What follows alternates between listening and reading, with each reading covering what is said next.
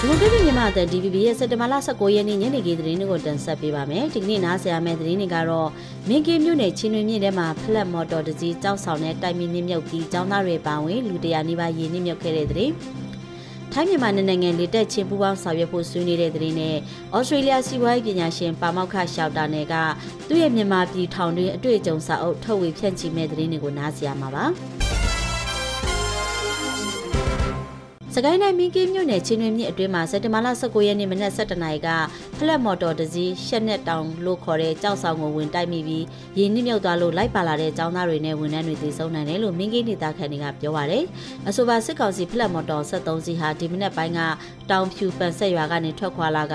ရရွာနီးကတောတဲတွေကိုမီးရှို့ပြီးအောက်ဖက်ပိုင်းကိုစုံစင်းလာရေးအခုလိုနစ်မြုပ်သွားတာလို့ဆိုပါတယ်။ဖလက်မော်တော်တွေပေါ်မှာပြူရွာကနေမုံရွာကိုတက်တူသွားတက်မဲ့ចောင်းသားတွေနန်း CDM ဝန်ထမ်းတွေမုံရွာကိုဆေးကူသွားမဲ့သူတွေပါဝင်ပြီးလက်ရှိကတော့96ဦးစီးရင်ပြောင်းနေတာ6ဦးကတော့ရေကူးနိုင်လို့အသက်မသေးပဲပြန်တွေ့ထားတယ်လို့ဒေသခံတွေကပြောပါတယ်။ရေနစ်မှုကြောင့်တေဆုံးပျောက်ဆုံးသူအရေအတွက်ကိုတော့အတိအကျမသိရသေးပဲစစ်ကောင်စီကတော့ဖလက်မော်တော်မောက်တဲ့နေရာကိုဖလက်မော်တော်12စီးစိုက်ကပ်ပြီးကေဇေးလုပ်ငန်းတွေလှုပ်ဆောင်မှုပြင်ဆင်နေတယ်လို့သိရပါတယ်။ထိုင်းလေတပ်ဦးစီးချုပ်ဗိုလ်ချုပ်အလွန်ကွာရန်နရိုနဲ့အဖွဲ့ဝင်တွေဟာ ပြီးခဲ့တဲ့စက်တင်ဘာလ15ရက်နေ့ကမြန်မာစစ်ကောင်ဆောင်ဗိုလ်ချုပ်မူကြီးမင်းအောင်လှိုင်ကိုတွားရောက်တွေ့ဆုံပြီးနှစ်နိုင်ငံချစ်ကြည်ရင်းနှီးမှုခိုင်မာရေးနဲ့တက်မတော်ဆိုင်ရာပူးပေါင်းဆောင်ရွက်ရေးကိစ္စတွေဆွေးနွေးခဲ့တယ်လို့မန်နေဂျာအွန်လိုင်းထိုင်းသတင်းမှာဖော်ပြပါဗျ။ဗိုလ်ချုပ်အလွန်ကွာနဲ့အဖွဲ့ဝင်တွေဟာမြန်မာလေတပ်ကအင်ရှင်ဖြစ်လက်ခံကျင်းပတဲ့အကြိမ်20မြောက်အာဆီယံလေတပ်ဦးစီးချုပ်များညီလာခံကိုတက်ရောက်ပြီးမှဗိုလ်ချုပ်မူကြီးမင်းအောင်လှိုင်နဲ့အခုလိုတွေ့ဆုံခဲ့တာပါ။အဆိုပါတွေ့ဆုံမှုမှာနှစ်နိုင်ငံတပ်မတော်ကြားချစ်ကြည်ရင်းနှီးမှုပုံမကောင်းမွန်တဲ့အခြေအနေ ပူးပေါင်းဆောင်ရွက်မှုလုပ်ငန်းအခြေအနေထိုင်းနဲ့မြန်မာလေတပ်ချင်းပူးပေါင်းဆောင်ရွက်လျက်ရှိတဲ့အခြေအနေ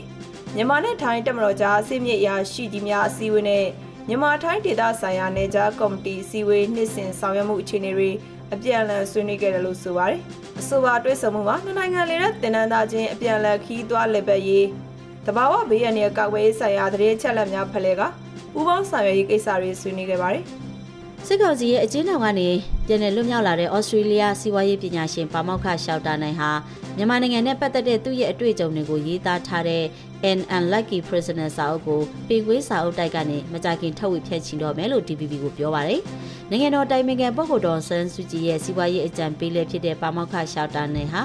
အင်းစိန်ထောင်နေပြည်တော်ထောင်နဲ့စစ်ကြောရေးတွေမှာ နှစ်နှစ်နီးပါးကြာအောင်ဆူဆူဝါဖြစ်ရတွေနဲ့ရေဆိုင်ခဲ့ရတာပါထောင်ကနေပြန်လဲလွတ်မြောက်လာပြီးတဲ့အခါမှာတော့အကျေးစခန်းနဲ့ထောင်တွေထဲမှာရက်ပေါင်း650ကြာပေမန်းဆင်းရဲစွာဖျက်ဆီးခဲ့ရတဲ့အတွေ့အကြုံတွေကိုပေါမောက်ခရှောက်တာနယ်ကစာအုပ်ရေးသားခဲ့တာဖြစ်ပါတယ် ဒေါန်ဆန်းစုကြည်နဲ့အတူရုံးတင်စစ်ဆေးခံနိုင်ဖို့အင်းစိန်ကနေနေပြည်တော်ထောင်ကိုထက်ရွှေ့ခဲ့ရတဲ့အကြောင်းတွေကိုလည်းရေးသားထားတယ်လို့ရှောက်တာနယ်ကပြောပါတယ်ဒီစာအုပ်ရေးသားဖို့အတွက်မစ္စတာရှောက်တာနယ်ဟာအကျဉ်းထောင်ထဲမှာနေစဉ်ကလေးကတချို့တစ်ဝက်ကိုသူ့ရဲ့စိတ်ထဲမှာတချို့တစ်ဝက်ကိုတော့သူ့စီမှာရှိတဲ့စာအုပ်တွေရဲ့ပိုနေတဲ့စက်ကူစာသားတွေပေါ်မှာခဲတံနဲ့ရေးရင်စတင်ရေးသားခဲ့တာလို့မစ္စတာရှောက်တာနယ်ကပြောခဲ့ပူပါတယ် အနာသိမ်းပြီးနောက်ပိုင်းမှာစစ်ကောင်စီတပ်ကရသားပြည်သူပေါ်ညှဉ်းပန်းနှိပ်စက်မှုဟာတနေ့ထက်တနေ့ပိုများလာတယ်လို့ညီမချင်းမြန်မာအဖွဲ့ကစက်တင်ဘာလ18ရက်နေ့မှာညှဉ်းပန်းနှိပ်စက်ခွင့်လိုင်စင်လို့အမည်ပေးထားတဲ့စီရင်ခံစာထုတ်ပြန်ပြောပါရယ်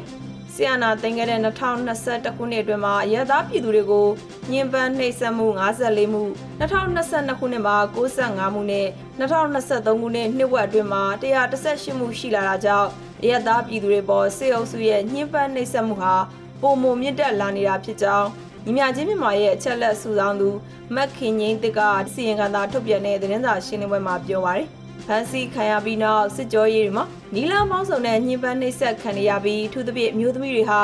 ထိကပါးဤကပါးဆက်ဆံခံရတာအုပ်စုလိုက်အာဓမပြုကျင့်ခံရတဲ့အဖြစ်မျိုးလဲရင်ဆိုင်နေရတယ်လို့ဆိုပါတယ် ပြိပခဖြစ်ပွားရာဒေသတွေမှာဆိုရင်လဲစစ်တပ်ရဲ့ဖမ်းဆီးခံရပြီးနှိပ်စက်ညှဉ်းပန်းတာအမျိုးသမီးတွေကိုအာဓမပြုကျင့်တာတွေပြင်ဖမ်းဆီးရမိတဲ့မိသားစုစီကိုဖုံးဆက်ပြီးချိန်ချောက်တာငွေကြေးတောက်ခံတာတွေလည်းစစ်တပ်ကကျူးလွန်နေကြောင်းဆိုပါတယ်။အစီရင်ခံစာဟာစစ်ကောင်စီရဲ့စစ်ကြောရေးစခန်းတွေရဲစခန်းတွေကျင်းထောင်တွေနဲ့လက်နက်ကင်တိုက်ပွဲဖြစ်ပွားတဲ့ဒေသကစစ်ကောင်စီရဲ့ဆိုးရတဲ့လူမဆန်တဲ့ဆက်ဆံမှုညှဉ်းပန်းနှိပ်စက်မှုအဖြစ်ပြက်200ကျော်ကိုကောက်ယူဖော်ပြထားတာဖြစ်ပါတယ်။ အခြေခံထက်ထက်ကျောင်းတွေနဲ့ထက်တန်းကျောင်းခွဲတွေမှာအထက်တန်းပြ12ဦးစီခန့်ဖို့အတွက်ဖွဲ့စည်းပုံရေးဆွဲနေတယ်လို့စစ်ကောင်စီပညာရေးဌာနကသိရပါဗျ။စနစ်သစ်ပညာရေးအရလိုအပ်တဲ့ဆရာဆရာမတွေကိုခွဲဝေခန့်ထားနိုင်ဖို့စစ်ကောင်စီပညာရေးဌာနကဖွဲ့စည်းပုံအသစ်စီစဉ်ရေးဆွဲနေရာအထက်တန်းကျောင်းတွေမှာအထက်တန်းပြ12ဦးခန့်ထားနိုင်ဖို့အတွက်အချက်လဲပါဝင်တယ်လို့သိရပါဗျ။လက်ရှိရေးဆွဲနေတဲ့အထက်တန်းပြဖွဲ့စည်းပုံမှာအထက်တန်းကျောင်းနဲ့အထက်တန်းကျောင်းခွဲတစ်ခုမှာအထက်တန်းပြအနည်းဆုံး12ဦးရှိရမှာဖြစ်ပြီး